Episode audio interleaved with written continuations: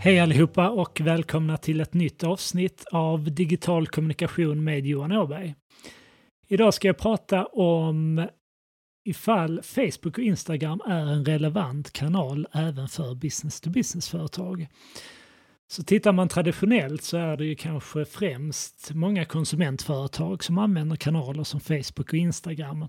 Medan business-to-business-företagen kanske hellre tittar på plattformar som exempelvis LinkedIn.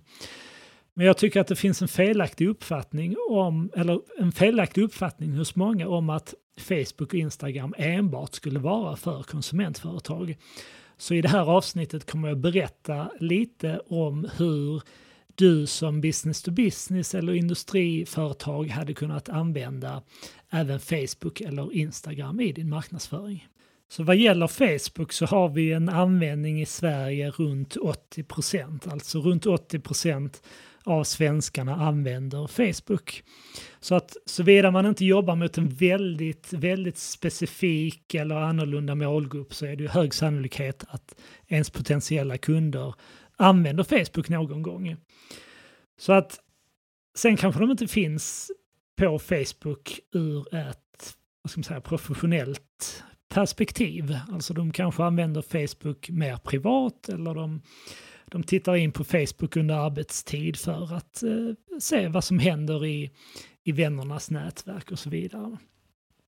Men de är där hur som helst och det här är, blir då mer en fråga om innehåll än kanal.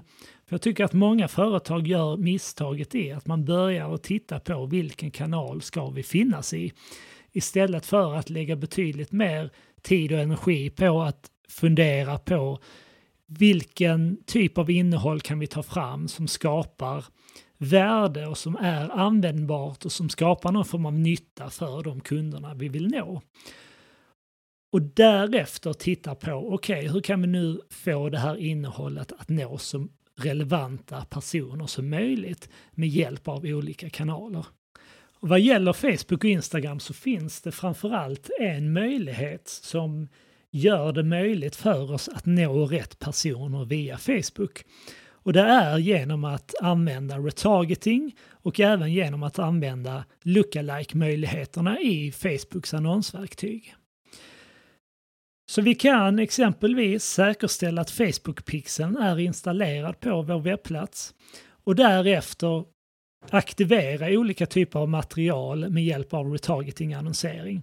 För att bara nå ut till de som har besökt vår hemsida. Och där kan vi konfigurera den annonseringen för att exempelvis utesluta personer som har besökt företagets lediga tjänster. Om det är så att man bara vill nå potentiella kunder. Vi kan även skapa så kallade anpassade målgrupper och custom audiences i Facebooks annonsverktyg som låter oss nå endast de som har tittat på våra produkter och våra tjänster på vår hemsida. Utifrån det här kan vi sedan skapa lookalike målgrupper och då behöver vi egentligen inte ha så stor koll på vilka intressen eller vilka geografiska placeringar som våra kunder har. Utan vi låter Facebook sköta inriktningen genom att skapa lookalike målgrupper som baseras på våra webbplatsbesökare eller som baseras på personer som besöker specifika delar av vår webbplats, exempelvis våra produkter och tjänster.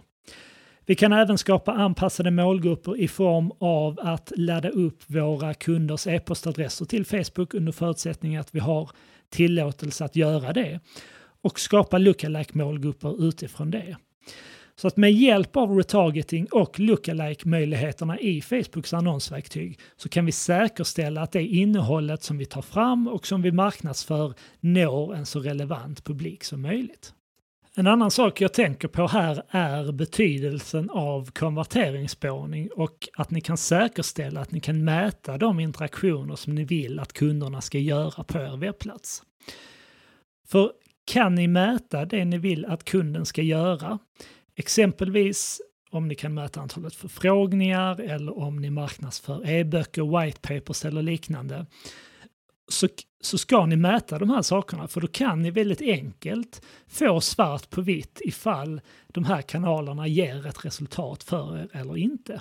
Och så kan ni jämföra det exempelvis med det utfallet som LinkedIns annonsplattform ger jämfört med Facebook eller Instagram.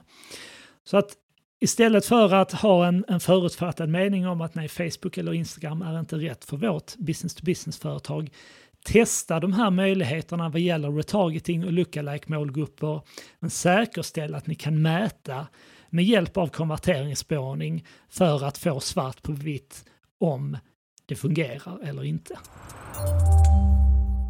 Så funderar ditt företag på att eventuellt använda Facebook eller Instagram. Säkerställ att ni får Facebook-pixeln på plats på er webbplats så att ni kan skapa de här anpassade målgrupperna och retargeting-listorna för att rikta annonsering till personer som exempelvis har besökt era produkter eller era tjänster.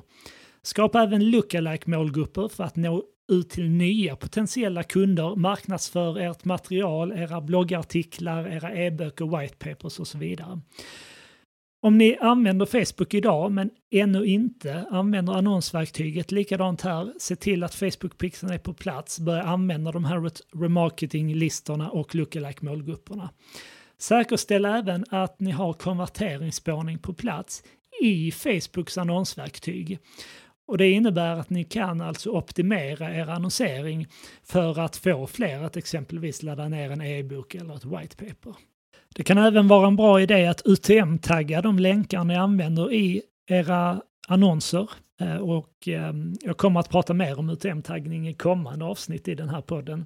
Men för de som känner till vad UTM-taggning är idag så använd det så att ni kan jämföra era annonser på Facebook och Instagram med annonser exempelvis på LinkedIn eller från andra ställen. Vill du ha mer tips och inspiration så hittar du det som vanligt på nivide.se. Där kan du ladda ner våra e-böcker, du kan gå våra webbinarier. Du kan delta i våra kostnadsfria e-kurser om du vill fördjupa dina kunskaper kring digital marknadsföring. Så med det sagt så vill jag önska dig lycka till och så hörs vi snart igen. Ha det bra!